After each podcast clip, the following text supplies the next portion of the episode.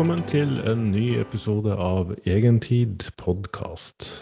Mitt navn er Børge Fagerli, og i dagens episode så skal jeg snakke om kjøtt. Jeg skal snakke om kolesterol og hjerte-karsykdom. Og så skal jeg snakke litt om motivasjonen i det filosofiske hjørnet, som jeg har begynt å kalle det.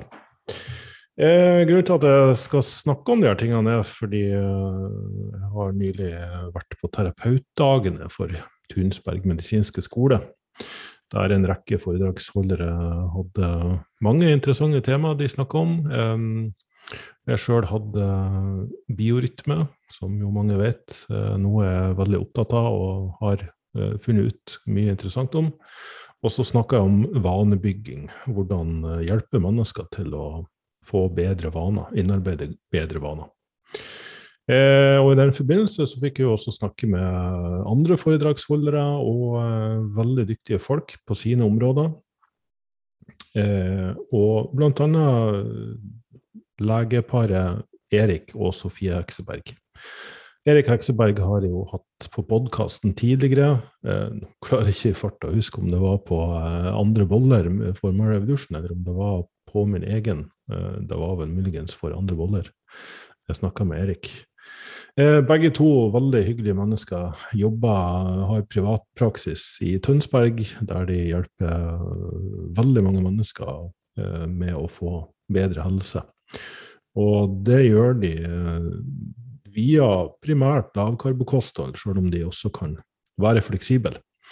Eh, men eh, kanskje mest av alt var det jo da aktuelt at eh, de har nylig skrevet ei bok eh, som heter 'Nytt blikk på kolesterol', der de skal ta litt oppgjør med en del forestillinger vi har om eh, mattafett, kolesterol og hjerte-karsykdom og andre sykdommer, for den saks skyld.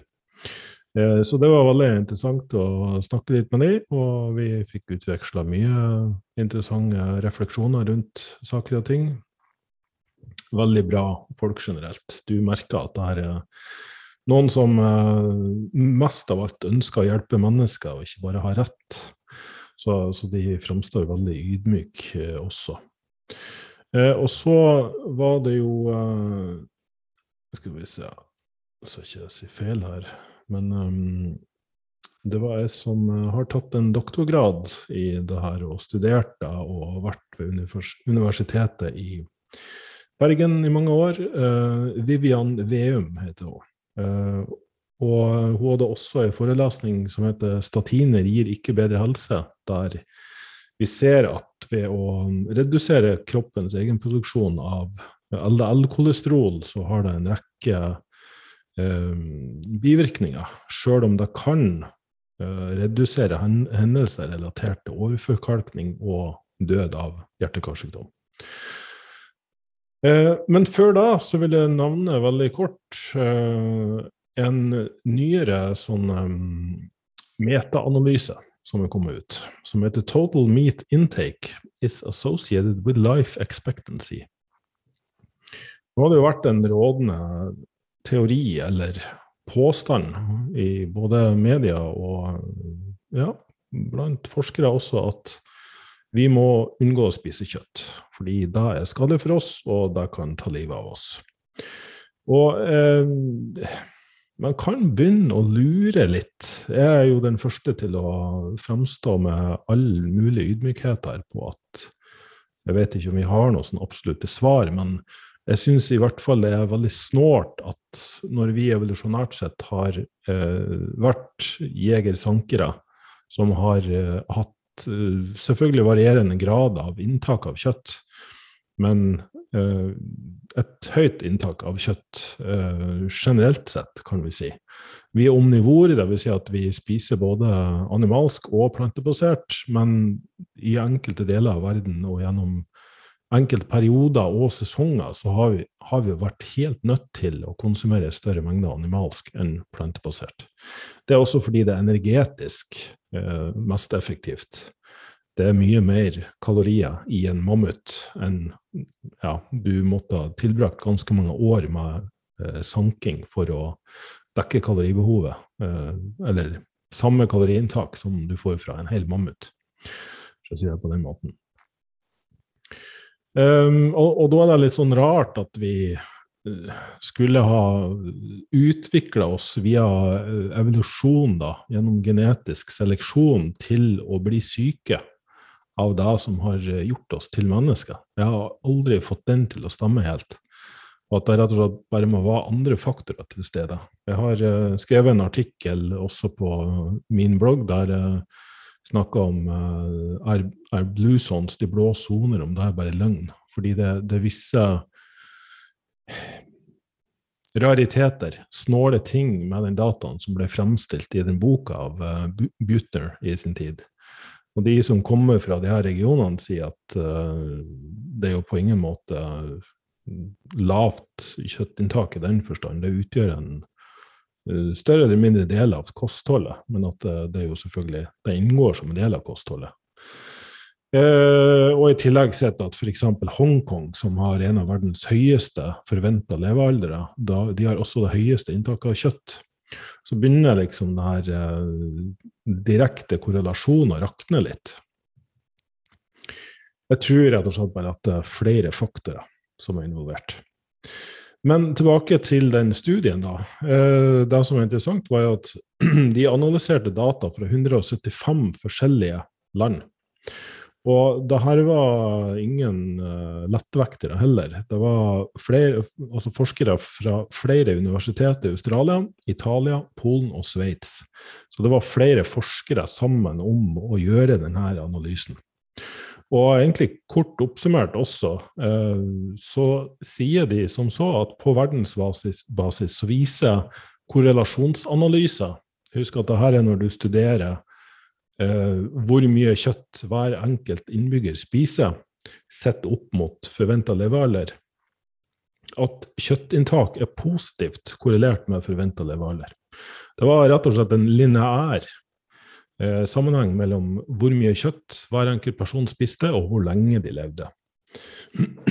Og det her eh, forholdet har de kontrollert for, da som mange andre studier ikke har gjort, og det er kaloriinntak. Altså hvorvidt denne populasjonen da spiser veldig mye eller veldig lite. Urbanisering er det folk, befolkning som bor i byer eller på landet. Fedme er da høy BMI og mye overvekt eller er det normalvektige folk? Utdanning, dvs. Si er det folk som er høyt utdanna og har høy sosial status, og dermed generelt sett lever et godt liv, eller er det veldig fattige folk? Og i tillegg avlinger, eller hvor mye de belager seg på eh, karbohydratkilder fra, fra, korn og dyrka mark. Og da tok de altså da statistisk høyde for, og brukte ganske avansert uh, matematiske modelleringer for å uh, få en sånn prediktor, eller uh, forventningsbasert tall for forventa levealder. Og ikke bare var det muligens for mange overraska over at høyere kjøttinntak var også forbundet med høyere levealder, men at til en viss grad så kunne vi si at høyere inntak av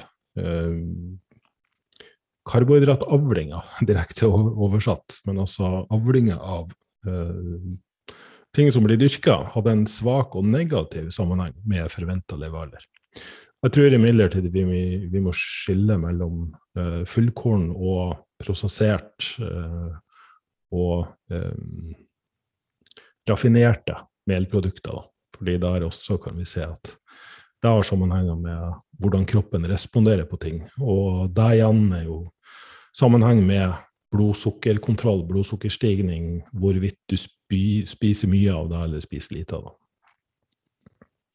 Så i hvert fall interessant nok å se på. Eh, jeg tør ikke å stå her og si at nå har vi svaret, men eh, det er en del ting i hvert fall som gjør at man blir litt mistenkelig og litt skeptisk når man hører egentlig alle mulige konklusjoner basert på korrelasjoner. Men som jeg har snakka om tidligere, at i forskningsverdenen, så når det gjelder levealder, så, så, må vi i stor grad bare basere oss på sånne type data, fordi vi kan ikke følge de samme menneskene gjennom et helt liv. Altså, vi kan ikke vente 80 eller 90 år fra en person blir født, og følge de og følge med på hva de gjør eh, under kontrollerte forhold. Vi må basere oss på hva er det folk, hvordan lever folk, hvordan sier de at de spiser. Og da introduserer du fryktelig mange sånn usikre, usikkerhetsmomenter som, som, gjør at vi, vi må ta de her dataene med en klype salt. Og ja, interessant nok så kan faktisk saltinntak ha en negativ sammenheng med sykdomsrisiko. Dvs. Si at de som inntar veldig mye salt i form av natriumklorid, altså ikke naturlig salt som følger naturlig med mat eller i saltsteiner og sånne ting ute i naturen, men eh, natriumklorid, så, så, så, kan det være skummelt og risikofylt med et veldig høyt inntak av det. Og ser vi da på prosessert mat, junkfood generelt, så er det veldig mye salt i det. Og der skal være en balanse med salt og kalium. Og den balansen bestemmer både hvordan hjertet fungerer, og muskler fungerer, og ja, en rekke ting som jeg kunne ha snakka om veldig lenge. Men elektrolyttbalansen generelt kan ha veldig mye å si, og bør være godt regulert. Så der også, når det gjelder kjøtt i hvert fall, så ser vi at uh, ser du på prosessert kontra ferskt, altså ubehandla kjøtt, så er risikoen mye høyere på prosessert kjøtt. Både fordi det er uh, menneskelig bearbeida, men veldig ofte tilsatt salt og nitritt. Og nitritt i seg sjøl er en risikofaktor, fordi det påvirker eh, hjerte-karsystemet direkte i store mengder. Nå vel. Eh, så neste på programmet blir jo da, fordi mange har sagt at kjøtt er farlig fordi det inneholder mettefett. Det i seg sjøl er ikke helt riktig, fordi det fettet du finner i kjøtt, er en sammensetning av metter, enemetter og flermetter. Avhengig av hvilket dyr det er, og hva det dyret har fått å spise. Eh, men generelt sett er det sjelden mer enn 40 metta fett altså det utgjør 40% av det fettet du finner i dyret. Så er det 10 gram fett per 100 gram vare, så er det kun fire av de grammene som er metta. Resten er da fordelt mellom én og flermetta fett.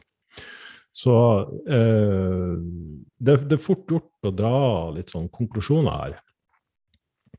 Og det som gjør om et fett er metta eller ikke, det har egentlig med, med lengden, altså antall karboner i fettsyrekjeden, og metta fett som under ett, da blir det som å si at ja, sopp er en kategori. Men vi har jo sopp vi kan spise, og sopp eh, som er giftig for oss. Så eh, det finnes mange forskjellige metta fettsyrer, og alle har unike biologiske effekter. Um, og, og, og, siden 50-tallet så har jo mange studier kobla metta fettinntak med økte kolesterolnivåer og når du har økt kolesterol, så har du liksom økt risiko for hjerte-karsykdom, fordi det er vist en sammenheng mellom forhøya kolesterol og tendensen til å få hjerte-karsykdom. Og de her Studiene er kombinert med sånn observasjonsforskning på sammenhengen mellom kosthold og hjertesykdom.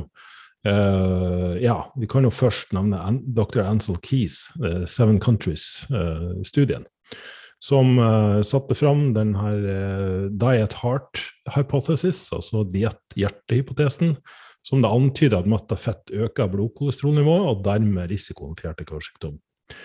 Uh, den studien har jo fått masse kritikk i etterkant, både fordi mistanke om datamanipulering, men også fordi en ekskluderte land som hadde ekstremt høyt inntak av mettefett, og allikevel ekstremt lav forekomst av hjerte-karsykdom. Eh, de passa ikke dataen, så dermed så ble de ekskludert. og Det er noe som vi i dag hadde kommet til å slått veldig hardt ned på. Eh, men jeg så på mange av de landene som tilhører de vest, den vestlige kulturen. Og det som vi også må ha litt i bakhodet, er jo at transfettsyre og margarin er noe vi som, som, ble innført også i denne tidsperioden, eh, som reaksjon på at vi Ja, det var billigere å produsere, og eh, vi forsto ikke konsekvensene av det. Eh, og der har vi sett direkte sammenheng mellom transfettsyre og hjerte-karsykdom. Så det er, ikke, det er, omtrent ikke via LL-kolesteroler som vi vet at det påvirker LL-kolesterolet. Eh, men, men, det er altså rett og slett bare oksiderte Eh, fettsyrer som påvirker kroppen svært negativt. Men for å få hjerte-karsykdom så må vi ha plakk i arteriene. Og plakk i arteriene det er retensjon av LL-partikler, dvs. Si i det såkalte endotelet i uh, åreveggen, så uh, setter de LL-partiklene seg fast. LL er et lipoprotein. Det holder, det er en transportør for kolesterol. Eh, og vi må også huske å skille mellom kolesterol vi spiser, og kolesterol som kroppen produserer. Det er ikke en direkte sammenheng der. Du kan spise mye kolesterol, men ha lavt eh, kolesterol i blodet fordi kroppen produserer lite, og omvendt. Men generelt sett spiser du mye fett, så vil du ha flere transportører i blodet. Det er jo veldig åpenbart. Eh, har du flere passasjerer, så må du òg ha flere busser. Um, og kolesterolet oppstår i det her eh, endoteliumet, i, altså i åreveggen, når det er en, en, en skade. Altså det her er jo nøkkelhendelsen for at plakk skal oppstå i det hele tatt. Uh, altså de avleiringene her. Um, og når LL først er der, så er det mer utsatt for å bli oksidert. Uh, det gjør at immunsystemet begynner å angripe her, uh, denne skaden, fordi oksidert LL blir ansett som skadelig for kroppen.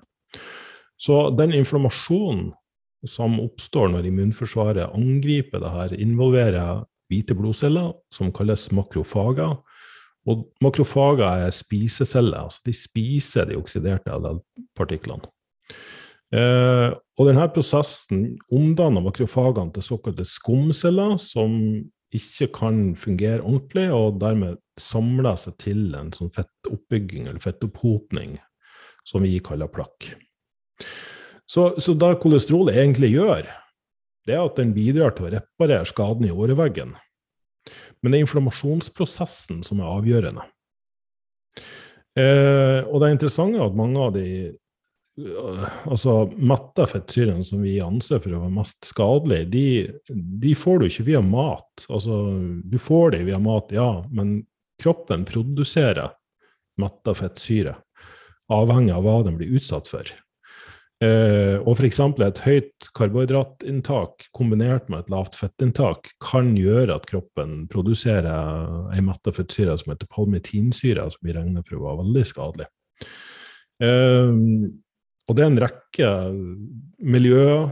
altså miljøavhengige og genetiske risikofaktorer der når, hvis vi først begynner å kontrollere for diabetes, altså type 2-diabetes først og fremst, men selvfølgelig også type 1 fordi det er litt dårlig insulinregulering og blodsukkerkontroll. Men er du veldig overvektig, så har du som regel også diabetes type 2 fordi cellen er så tjokkfull av kalorier at eh, de slutter å respondere på insulinsignalet, og sukker i blodet, altså karbohydrater i blodet, vil bare flyte rundt og ikke ha noe sted å gå.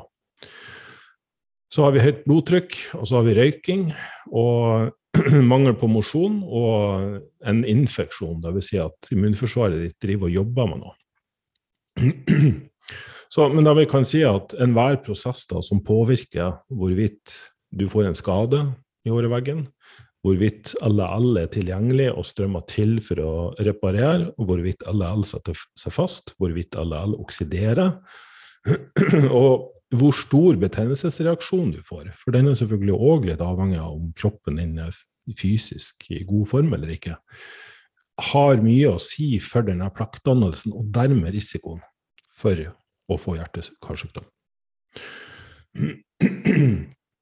Og det er klart at her er det mange ting som skal være på plass.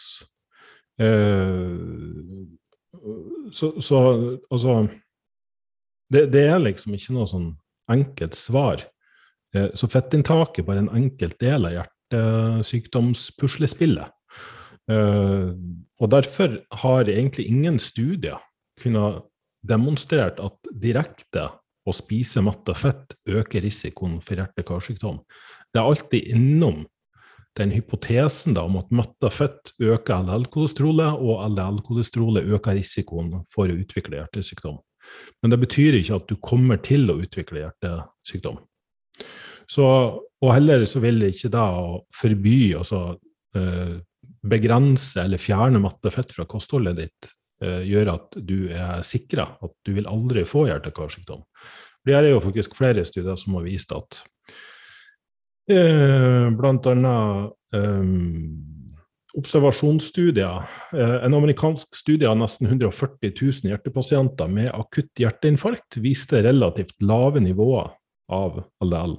Og svært lave nivåer er i flere andre studier assosiert med økt dødelighet for andre sykdommer. Eh, så, så, igjen, bildet blir ikke veldig tydelig og klart. Eh, men hvis, hvis, vi går litt sånn i dybden på det, og da kan vi ta oss tid til det her Jeg håper at ikke folk blir veldig forvirra av det her. Men det eh, Grovt sett så sier vi at LDL er det dårlige kolesterolet, HDL er det LDL er det dårlige kolesterolet, HDL er det gode kolesterolet. LDL frakter kolesterolet ut i kroppen til i vevene, der det kan sette seg fast. HDL transporterer det tilbake. Men så er det også sånn at partikkelstørrelsen, dvs. Si hvor mange passasjerer bussen har, kan ha noe å si. Så de som er sånn store og fluffy, altså veldig sånn eh, de har altså, de har, Mengden kolesterol som de her partiklene bærer, har mye å si.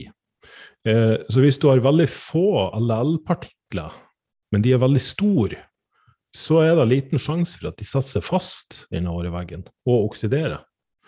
Eh, og et mål på det er apolipoprotein B, de, de, da teller antall LL-partikler du har, altså hvor mange busser som er til stede her. Så det er bedre at det er mange passasjerer på bussen enn en, uh, veldig få, rett og slett. fordi da trenger du ikke så mange busser. Så alltid hvis du skal sjekke kolesterolet, så bør du faktisk uh, enten få et tall på partikkelstørrelsen, eller antall LL-partikler, LLP, eller A på B, som da er et estimat for LLP. Og da vi ser i enkelte studier, er at inntak av enkelte typer metta fett kan øke konsentrasjonen av ApoB, og dermed risikoen for hjertesykdom, hvis vi tror på den sammenhengen som eh, helt eh, skuddsikker, noe den nå åpenbart ikke er. Eh, mens HDL og partikkelantallet der er noe som heter apolipoprotein A1. Og det gjenspeiler mengden HDL i blodet. HDL har da beskyttende effekter. Eh, og det å spise mette fett kan også øke HDL-nivåene, men det ser ut til å kunne øke LL-nivåene mer enn HDL. Men så kommer vi til noe som faktisk er hakket viktigere, og noen mener at dette er det aller viktigste. Og det er hvor mye triglycerider, altså fettstoffer generelt, du har i blodet ditt. Så hvis du har veldig mye triglycerider og veldig lite HDL, så er det en veldig sterk og uavhengig prediktor for hjerte-karsykdom. Om så å si i enkelte studier uavhengig av LDL-nivået ditt. Og triglycerider øker når du er overvektig, og når du er insulinresistent, og når du er stillesittende. Eh, og når du har eh, generelt sett et altfor høyt kaloriinntak, hvorvidt det er fra metta fett eller ikke. Men metta fett eh, ikke sant, har en eh, interessant nok i enkelte studier en reduserende effekt på triglycerider. Eh, så forholdet mellom triglycerider og HDL er veldig interessant å følge med på. Fordi det har en sammenheng med hvorvidt de her LDL-partiklene er små og tett eller store og luftige. Eh, mens noen studier selvfølgelig viser at metta fett har liten effekt på dette forholdet. Interessant nok, når det gjelder flermetta fett, som vi stadig blir fortalt at vi må erstatte metta fett med, så er det sånn at noen av de omega-6-fettsyrene ser ut til å øke risikoen for oksidasjon av LL hvis de først har fått festa seg i øreveggen, i større grad enn metta fett. Mens enemetta fett omtrent på tvers av studier ser ut til å redusere det betydelig. Så um, til tross for et ganske sånn logisk, teoretisk rammeverk som kobler dietter med høyt mettet fett til åreforkalkning, så har jo da alle mulige metaanalyser av, observasjon, av observasjonsstudier ikke rapportert noen uh, signifikante assosiasjoner mellom metafett og risiko for hjerte-karsykdom, hjerneslag eller til og med kardiovaskulær sykdom generelt. Og i det hele tatt, dødelighetsforekomst ser jo nesten ut til å ha et omvendt forhold. At mer LL kan beskytte mot flere andre sykdommer, som f.eks. slag. Og, og sjøl langsiktige, randomiserte, kontrollerte studier, som jo vi vet eh, er litt begrensa i hvor lenge vi kan holde på med det, fordi det koster så utrolig mye penger, og det er vanskelig å kontrollere hva folk gjør over lengre tid, eh, har veldig inkonsekvente sammenhenger mellom inntak av mattefett og hjerte-karsykdom. Og hvis du erstatter mattafett med omega-6 flermattafett, så har det ingen effekt, eller til og med negativ effekt, på risikoen for å utvikle hjerte-karsykdom. Eh, så hvorvidt mattafett er bra eller dårlig for hjertet ditt, kan liksom avhenge av hva det erstatter, eller blir erstatta av det vi kaller substitusjonseffekten.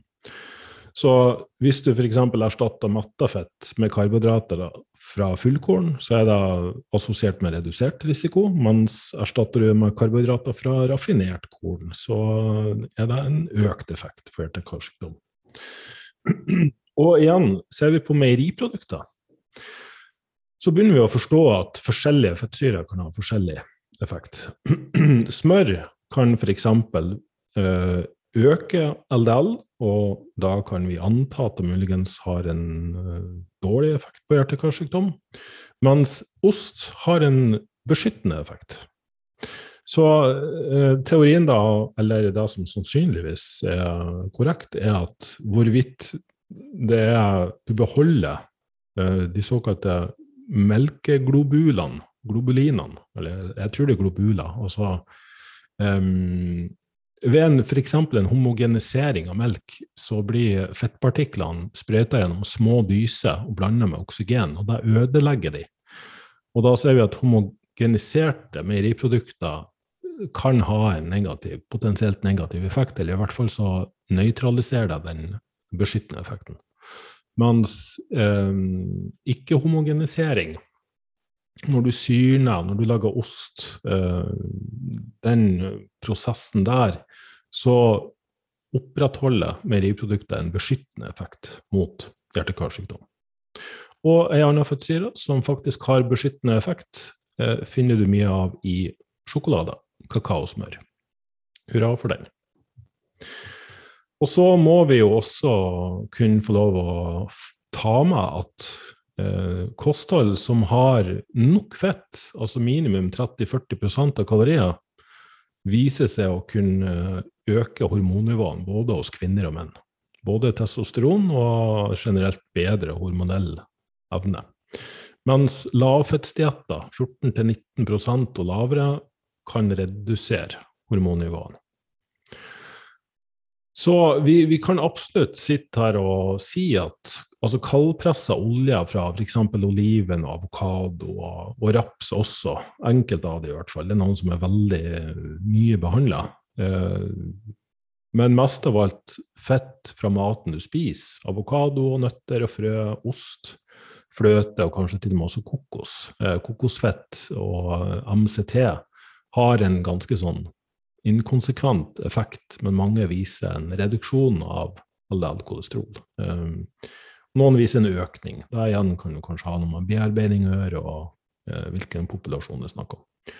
Uh, så matbasert fett eh, tror jeg, antar jeg, er ganske bra, så frem til ubehandla urørt av mennesker. Men jo mer vi begynner å blande oss borti naturen og tilsette det her til produkter som selvfølgelig også da raffinerte eh, kornprodukter. Smaker veldig godt, sånn at vi spiser mye av det. Da er det ikke fullt så bra. Men ikke sant, vi må begynne å skille mellom noen som er i god form, har lav fettprosent, et godt kosthold og tar godt vare på seg sjøl, men så har de høyt allel. Har de da lave triglycerider og høyt HDL-kolesterol ikke tegn til informasjon i kroppen, og generelt sett at alle markørene for øvrig ser bra ut, da tror jeg vi kan anta at en person vil leve lenge. Mens en overvektig person, diabetiker, som røyker, tar litt for lite vare på sin egen kropp, ja, greit, men da er det ikke bare snakk om å redusere metta fett, det er snakk om å redusere kalorimengden.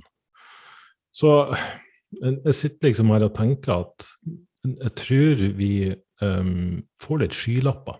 Jeg tror når vi først finner noe som kan være potensielt skummelt eller farlig, om det er sukker eller metta fett eller det er kjøtt eller hva enn det er, så er det så fort gjort å, å miste gangsyn. Det er så fort gjort å miste perspektivet over eh, hva som er risiko, og hva som er sannsynlighet, hva som er årsakssammenhenger, og, og i det hele tatt av større bilde. Så eh, litt sånn uh, huet ut av egen ræv-tankegang, uh, tror jeg, hadde vært veldig nyttig å kunne unngått mange debatter og diskusjoner om hvem som har rett og hvem som har feil. Men jeg kan i hvert fall si at jeg ser fram til boka fra Erik og Sofie Hekseberg. Eh, flotte mennesker. Um, jeg har lest deres tidligere bøker og syns de har uh, veldig mye nyttig og har såpass mange pasienterfaringer der de har sett hva som faktisk skjer i virkeligheten, at uh, jeg tillegger deres meninger om, om, ting litt større vekt enn, enn kanskje jeg burde gjøre. Men det får tiden vise. Yes. Um, da skal jeg snakke litt om uh, en av egentlig mine kjerneinteresser. Som coach så møter jo mange mennesker på min vei, og um, folk oppsøker meg først og fremst fordi ja, grovt sett så vil de ha det bedre med seg sjøl. Men hva det innebærer, er jo veldig ofte da at uh, å spise bedre og få et effektivt treningsprogram, så vil de få lavere fettprosent og mer muskelmasse og bli sterkere og i bedre form. Og da kan det gjøre at de får mestringsfølelse og får det bedre med seg sjøl. Men så er det jo mange som veit hva de skal gjøre, men som ikke klarer det. Og da er det litt sånn at da kan det å ha et mål være motiverende, men da å ha en coach, en veileder, som kan fortelle dem hva de skal gjøre, ja, da, da blir de motivert, liksom. Og noen blir jo selvfølgelig da også motivert av å se resultater. Når de ikke ser resultater, så mister de motivasjonen. Men eh, det er mye sånn rare oppfatninger der ute. Jeg skal ikke si rar, fordi de er veldig naturlige. Eh, og for å, for å, forstå det, så må vi faktisk begynne med å snakke om sex. Eh, og da skal jeg jo ikke bare gjøre fordi jeg er fra Nord-Norge. Eh, for det er klart, vi i Nord-Norge, det eneste vi liker å snakke om, det er jo sex og sprit og bannskap. Det er liksom våre store interesser. Eh, nei da, men jo da det er også for å forstå hvordan dette henger sammen. Fordi som biologisk organisme så er vi på lik linje med dyrene styrt av to ting primært. Det er overlevelse, og det er reproduksjon. Da er helt sånn primitivt sett eh, langt inne i reptilhjernen det aller viktigste. Og overlevelse La oss sette den til side, men reproduksjon er lik sex. Så, så det her er en, eh, det er en drift vi har dypt inni oss, som vi egentlig ikke kan kontrollere og styre i så stor grad som vi kanskje tror. Men vi vokser jo opp i et samfunn der, der og, altså, avholdenhet er en dyd. Altså, du blir berømma for å klare å styre det. Og det er jo selvfølgelig ikke sånn at vi kan løpe rundt og ha sex med alt og alle. Det er muligens noe de gjorde i steinalderen. Jeg har sett visse filmer som antyder det, men jeg tror kanskje det var litt sånn eh, evolusjonært dysfunksjonelt da også. Men i vår kultur, selv om Norge på mange måter er veldig langt framme og veldig frigjort og liberalisert i forhold til seksualitet, og, vi nå lever i en tid der det er mye større anerkjennelse og respekt for ulike former for seksualitet, så er nok de fleste av oss ganske undertrykte allikevel. Vi, vi, har veldig mye sånn hemminger og sperrer rundt det med sex og egen kropp, og det å utvise seksualitet. Og større eller mindre grad av trygghet for å kunne demonstrere eller la den få slippe løs. Og sjøl da så ligger vi og tenker på hvordan vi ser ut naken, kan jeg jo forestille meg. Har for, for øvrig ingen kjennskap til fenomenet sjøl. Nei da. Men eh, det er klart at når vi da lærer at det som føles godt, det er ikke bra. da må vi undertrykke. Da må vi styre, det må vi kontrollere. Og hvis vi ikke klarer det, hvis vi nå skulle finne på å ha sex med noen vi ikke burde ha, eller at vi får eh, ereksjon under pulten i klasserommet, så er det veldig skambelagt. Så får vi dårlig samvittighet for det. Og ja, det er muligens en litt sånn tynn generalisering, men jeg vil si at eh, det, det henger sterkt sammen med at vi kulturelt lærer at det å begrense sjøl, legge restriksjoner på deg sjøl, kontrollere deg sjøl, og disiplin og viljestyrke, det betyr at du er et godt menneske. Og det å liksom hele tida skulle undertrykke og kontrollere og begrense driftene våre, vil jo si at du bruker mesteparten av livet ditt på å motarbeide det som oppstår internt. Og, og så skal vi skjemmes og, og, ha dårlig samvittighet over at vi ikke klarer å kontrollere noe som egentlig av natur er skapt for å ikke være under kontroll.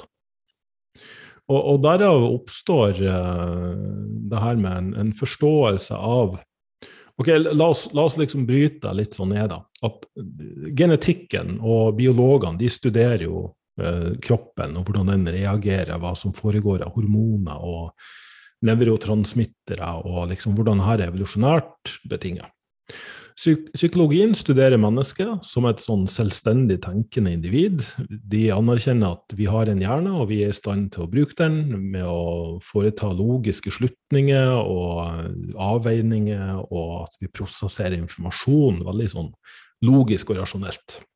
Det kan selvfølgelig diskuteres. Sosiologien ser på mennesket som et gruppemedlem, at vi ønsker jo å tilhøre en stamme eller eh, være del av noe. Derfor melder vi oss inn i alt fra fotballag til uh, Facebook-grupper som uh, er interessert i alt fra 80-tallsfilmer til hvordan du skal spise og trene. Antropologien ser på mennesket som et stamme- eller kulturelt medlem, altså enda større enn deg igjen. Det er liksom på landsbasis, område- og regionsbasis, ikke bare som en liten gruppe. Så det er klart vi kan si at ei Facebook-gruppe kan gå fra å være eh, sosiologisk til antropologisk, avhengig av hvor mange forskjellige land og kulturer som er medlemmer. Men det blir en digresjon. Så rent sånn fundamentalt sett så foretar vi ting fordi vi har et behov for noe. Vi har en drift. Vi har en opplevd mangel på noe, og da er triggeren. Triggeren gjør at vi blir motivert. Da oppstår motivasjon. Og den motivasjonen gjør at for at vi skal dekke den mangelen eller tilfredsstille behovet, så må vi ha en atferd. Og den atferden har da ulike retninger, kan da stabiliseres og styres av mål og verdisystem. Og sånn rent uh, Altså definisjonen på motivasjon det, altså det kommer fra det latinske ordet 'movere', og det betyr å bevege. Så motivasjon er en prosess som påvirker retning, utholdenhet og styrke i målretta atferd. Og ikke bare mål, for målet var vi sikta mot, men det som gir krafta bak, altså drivkraften, det er verdiene. Eh, og mange er jo litt sånn av den oppfatning at ja, men jeg må bare vente, får motivasjon, så skal jeg begynne å gjøre noe. At det er liksom eh, forsvarstalen, da, når de ikke gidder å gjøre noe, eller klarer å gjøre noe. Men med det jeg sa innledningsvis, så, så har det jo minst like mye med å gjøre, i hvor stor grad ønsker du da? Og vi kan kanskje sånn helt sånn sette det på spissen og si at vi må gjøre fordelen med å gjøre noe større enn fordelen med å ikke gjøre noe. Sant? At det føles godt å bare ligge på sofaen og spise godteri, men eh, Og det har mange fordeler, sant? men det har også mange, mange ulemper. Og da må veies opp mot fordelen med å ta oss en løpetur eller å begrense godterispisinga, og så gjøre ting som gir deg bedre helse. Og det er klart at hvis det bare er samvittighetsstyrt og skambelagt, øh, og, at du For å si det på den måten, det er en veldig kortvarig, men allikevel umiddelbar og akutt eh, motivasjon i det å ligge på sofaen og spise god mat. Mens helsefordelene av å eh, spise sunn mat og trene tar mye lengre tid å vise seg og demonstrere seg. Så, så, det er litt sånn at reptilhjernen og den mer kognitive som sitter uh, utapå der og er logisk og rasjonell og framtidsorientert, de kjemper en evig kamp. Jeg har snakka om det her på, i tidligere podkastepisoder, den her typiske elefanten og sjåføren. sant? Type 1, type 2-atferd. Så, så greit å være innom det akkurat nå. Og Hvis vi da starter med verdisystemet, da fungerer det som en sånn veiviser, motivasjonskilde. sant? Der motivasjonen skal føre oss mot målet, og et sånn, helt sånn fundament for at du skal sjøl synes at du er et godt menneske. Så hva innebærer det å være et godt menneske for deg? Det er jo stort sett altså, da, altså Gode verdier vil jeg si, er de som gir en følelse av glede, suksess og mening. En dypere mening eller en høyere mening, alt etter hva du sjøl uh, tenker. Og det kan jo være liksom, ærlighet, det kan være medmenneskelighet, kjærlighet, rettferdighet mange forskjellige fine ting der som kan gi en følelse av glede, suksess og mening. Verdier er det du gjør, og det du er. Den kan være veldig kontekstavhengig, så i enkelte situasjoner så har du ett sett med verdier, og i andre kontekster så har du andre verdier. Eh, det kan faktisk være et problem å ha eh, verdisystem som er lite fleksibelt. At f.eks. da, igjen en liten spissformulering, men hvis kontroll er viktigste, den viktigste verdien din, så kan den ta så stor plass at den til slutt gjør at du slutter å spise og dør av avmagring. Der er det noe som faktisk er identifisert som et moment hos anorektikere. Kontroll over mat, kontroll over følelser, innebærer eh, suksess for dem, og den oppstår uavhengig av liv og helse.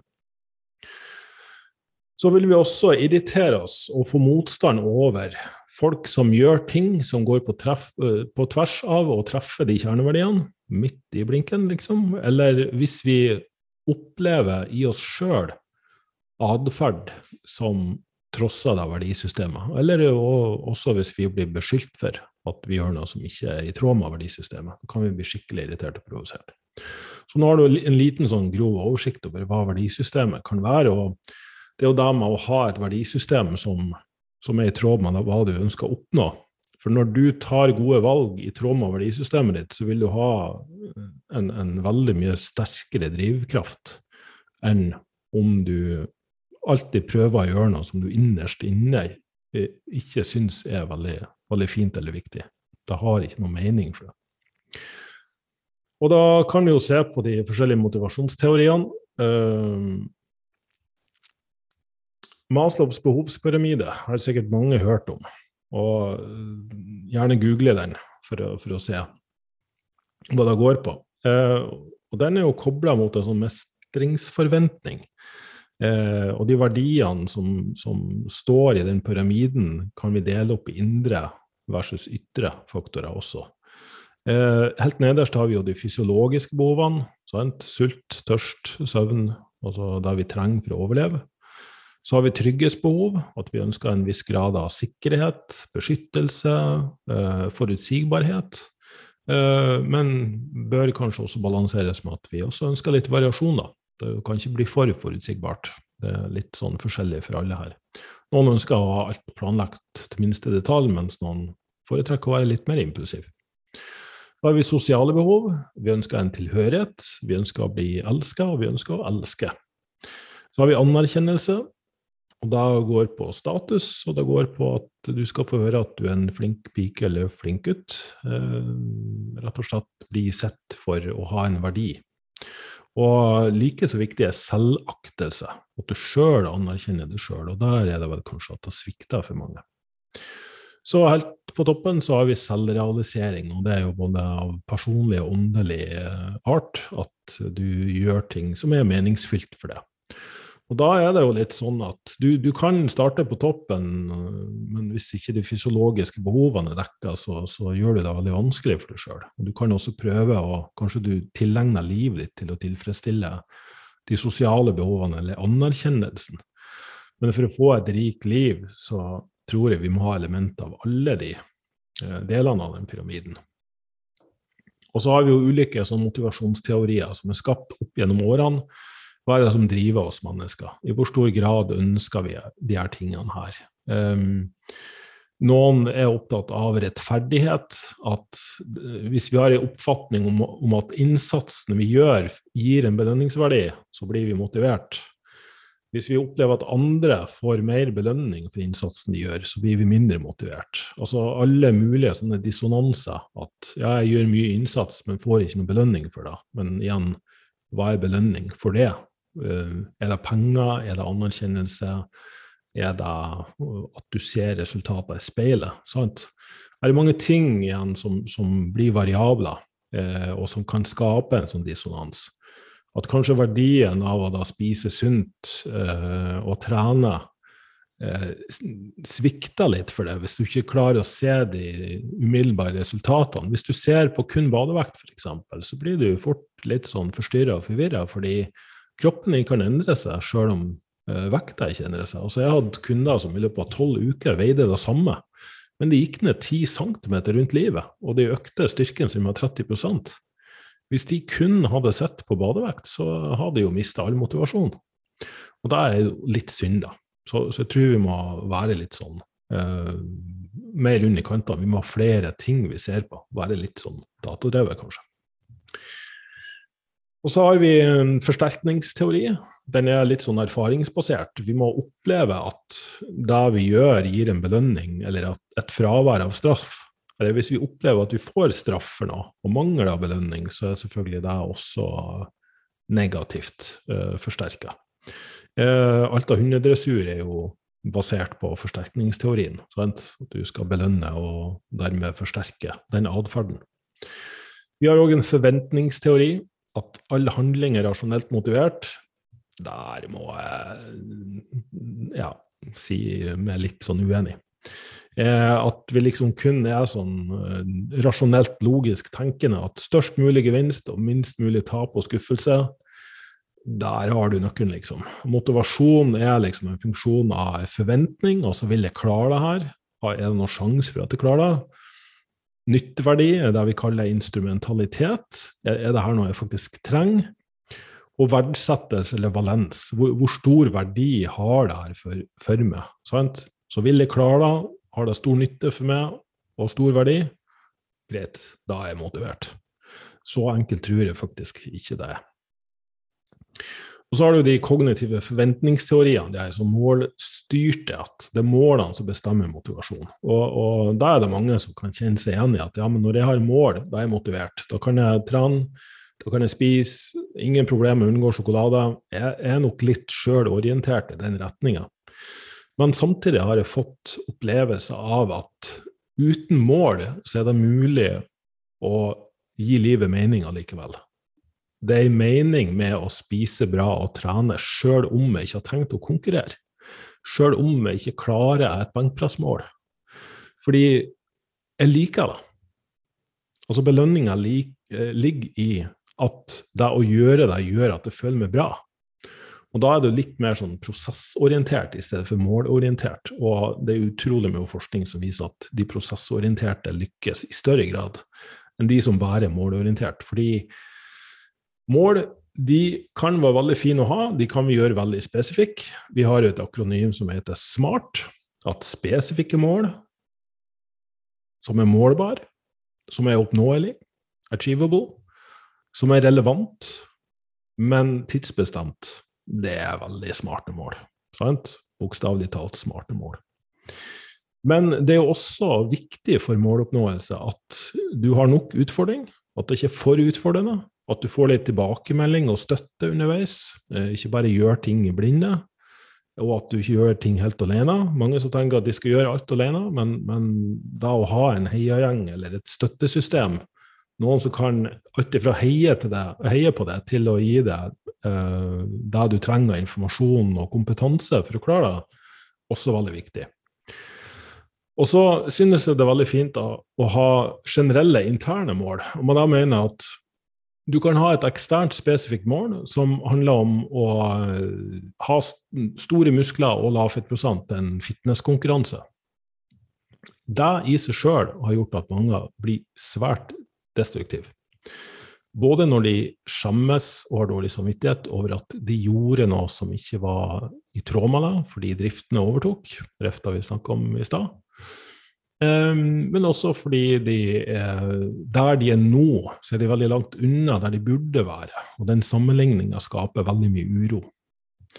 Og da er det fort gjort å ty til ulike mestringsstrategier. Det kan være at man distraherer seg fra ting, sant? oppsøker ting som har en annen belønningsverdi, eller at man overdriver det man har en drift på. Alt ifra at man overspiser til ja, når det gjelder seksualitet, at man uh, rett og slett oppsøker bordeller eller uh, surfer nettporno hele dagen, liksom. Så, så, vi har litt sånn ulike mestringsstrategier, og, og de kan være ganske individuelle. Uh, og når det gjelder da å se bra ut på ei scene, så er det jo folk som tyr til ulovlige medikamenter og fatburners og spiser altfor lite, fordi mer kontroll er jo bra, sant? Og trene altfor mye, fordi det å bare sitte hjemme og kjede seg eller føle at du ikke gjør nok, uh, fear of missing out, da må du ut og bombardere kroppen med enda mer stress. Og stress, stress, stress, stress. Sant? Det har jeg snakka mye om. Da blir det veldig destruktivt. Men hvis du har et generelt internt mål om å være en person som tar godt vare på deg sjøl Du ønsker å være en person som kan leve lenge, du ønsker å se barna dine vokse opp, du ønsker å ha god helse, du ønsker å være fri for sykdom, du ønsker å, ja, la oss nå si, ha etiske og moralske prinsipper bak det du gjør. Da er jo sannsynligheten større for at du, du, kan være litt mer rasjonell i det du foretar deg, og i hvert fall ikke gå helt i kjelleren når noe ikke går i henhold til planen, eller at målet eh, ikke blir sånn som du hadde tenkt. Så gjelder det selvfølgelig òg å ha delmål, bryte opp i mindre mål. fordi hvis målet er å gå ned 100 kg, og så har du bare gått ned 1 kg, oi, oi, oi, hva skal jeg gjøre da?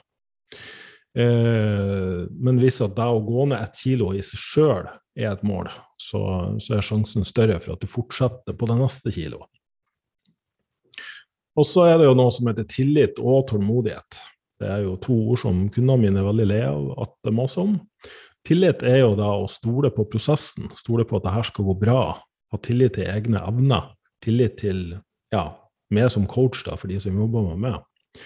Og tålmodighet er jo det her med å være fremsynt. Det er jo det med å forstå at det du gjør nå, vil en eller annen gang føre til en gevinst, men om det ikke gjør det, så, så spiller ikke det nødvendigvis noen rolle uh, hvor lang tid det tar. Uh, så for, å si det på den måten, hvis du jobber og tjener 100 kroner, så tenker du ja, men det var bra, da kan jeg jobbe enda litt mer og så tjene 1000 kroner. Og så var det litt vanskeligere, men du tjente jo 1000 kroner. Og så jobber du enda hardere, enda mer, og så tjener du 10 000.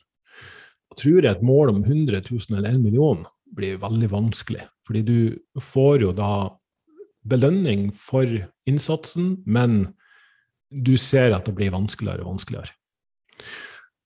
Men hvis du i stedet, med de første 100 kronene som du tjente, investerer i kompetanse, ressurser, kunnskap, prosesser, strategier, som lærer deg hvordan du skal tjene 1000 kroner lettere.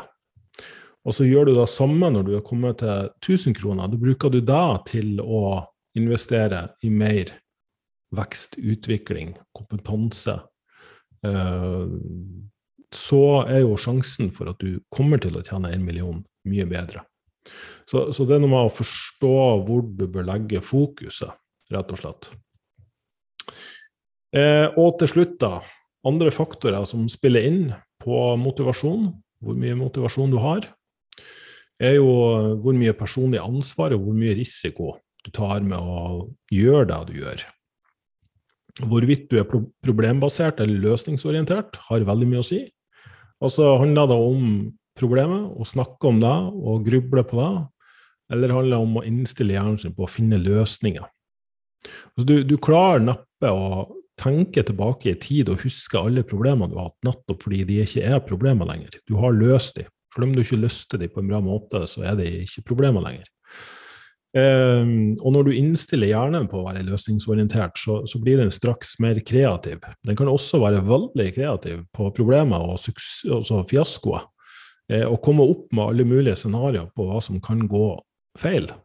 Men bruker du da masse energi på å skal forberede på alt som kan gå feil, så eh, blir det vanskelig for deg. Det, da dreper motivasjonen, og det er en stor stressfaktor. Og så er det jo hvorvidt det handler om suksess eller å unngå fiasko, eller om det kan være litt mer sånn ting som har dypere mening. Altså, hva er suksess, egentlig? Det jo, smaker jo ulikt alt etter hvilken kjeft det er snakk om.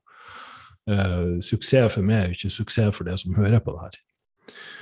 Støtte og sosialt nettverk, det å være del av noe, er jo veldig viktig. Uh, og ikke bare skal gjøre alt alene. Selvfølgelig har du den Heroes Journey-greia som er veldig motiverende for folk. Ja, jeg hadde et tøft liv og allikevel oppnådde suksess fordi de bare kjempa hardt og lærte med et triks. Og det trikset kan du få kjøpe via det her nettkurset eller denne e-boka. For all del. Vi blir veldig motivert av sånne ting. Men de fleste av oss vil nok finne nytte og støtte i det å ha mennesker som er likesinnede, eh, ambisiøse og har trua på at det her skal gå bra. Autonomi og uavhengighet. Vi ønsker jo til en viss grad også å klare oss sjøl. Å være selvdreven, ikke være avhengig av noe for at vi skal klare å gjennomføre ting hele tida. Eh, så utvikling og kompetanse, veldig viktig. Ref. metaforen min om hvordan du, du, kan tjene det rik. Eh, og aller sist attribusjon. Det er vel kanskje det jeg burde ha starta med, men jeg tenker allikevel eh, vi kan ta det helt til slutt. Fordi vi har noe som heter kontrollpunkt. Det er hvorvidt du tror at det som skjer, avhenger av deg sjøl, eller om det bare skjer med deg. Altså hvorvidt du er et offer, eller hvorvidt ting bare skjer utenfor din kontroll. Ikke bare da, men i hvor stor grad du klarer å se hva som er i din kontroll og ikke. Nå er, lever vi jo de siste to årene har vi levd under forhold helt utafor vår egen kontroll. Først det som er veldig lite, så lite at vi ikke kan se det, korona.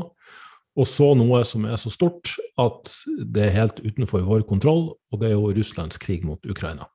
Så korona og krig det er jo det vi, mange av oss nå forsøker å kontrollere. Noen selvfølgelig gjør det på sin måte med ta vaksiner og ta godt vare på helsa si. Um, bruke munnbind og alt mulig sånt. Det interessante nå er jo at vi hører jo omtrent ikke noe om korona i det hele tatt, sjøl om faktisk antall innleggelser er høyere enn det har vært uh, siden korona kom. så, så, det er jo noe som noe er viktigere for oss, og det er jo det her med krigen og hva som foregår der. Eh, men igjen, det er ikke noe du kan kontrollere. Ja, du kan selvfølgelig handle inn eh, proviant og, og liksom hvor er nærmeste bomberom osv. For det er ting som skremmer oss. Blir det her eh, Vil det eskalere? Hva, hva skjer? Og da dyrker jo media. Altså, det brukes jo. De tester overskrifter for å skape frykt. Eh, jeg kan gå inn på VG med noen sekunders mellomrom, og da har akkurat samme artikkel fått en annen overskrift. Rett og slett for å se hva det folk klikker mest på. Så, så ha nå da litt sånn i bakhodet, og fokuser på hva du kan kontrollere. Og Den metaforen har jeg brukt mange ganger tidligere, tror jeg, men det er litt sånn Er du en tennisspiller, så har du kontroll over at du trener, du sover nok, du, eh, skal du spille da en kamp, så møter du opp i tide, sørger for å være studert, og så spiller du tennis så godt du kan. Men utfallet er utenfor din kontroll. Altså Motstanden kan være bedre enn det. Dommeren kan være urettferdig. Du er da utendørs, og du, du kan ha motvind og sola i øynene. Eh, du kan skli på eh, rask på banen. Altså Det er så mange ting som ikke du har kontroll over.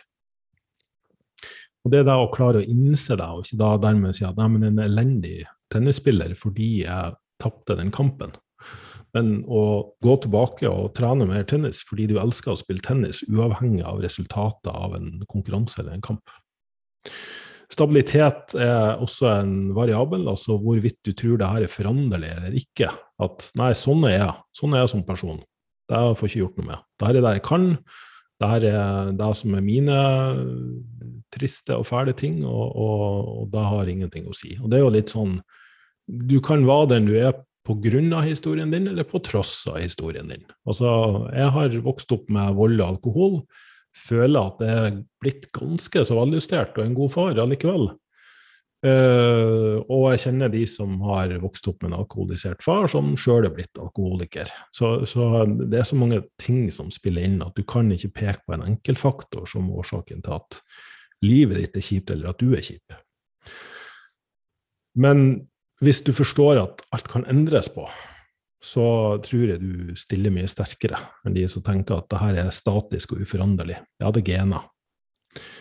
Um, kontrollerbarhet er det aller siste elementet av attribusjonsteorien, og det er hvorvidt du tror at utfallet har noe med det sjøl å gjøre, eller om det er liksom bare overlatte tilfeldigheter, karma, flaks, uh, myndighetene, universet, hva enn Gud, hva du tror på.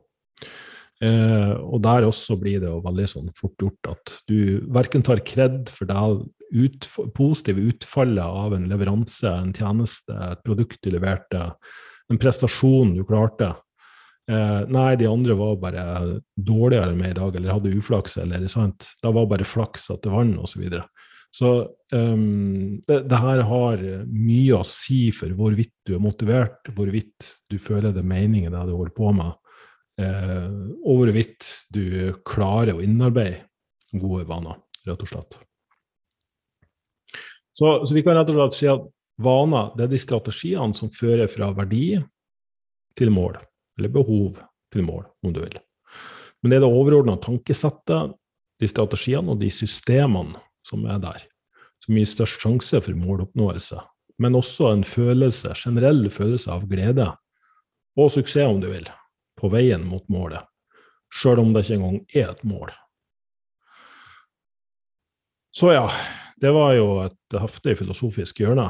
Eh, nå ser jeg faktisk jeg holdt på en time, så det ble en av de lengre podkastene. Eh, men det var jo to temaer som jeg brenner litt for, og som jeg hadde lyst til å snakke litt om. Eh, så jeg håper at du klarte å henge med, at du fikk noe nyttig ut av det her. Og selvfølgelig at du ikke bare fortsatte å høre på denne podkasten, men at du også sprer ordet til andre hvis du tenker at det er noen som kunne ha nytte av å høre på det her jeg sitter her og skravler ørene dine fulle av. Så tusen takk for at du hørte, og ha en strålende dag natt videre.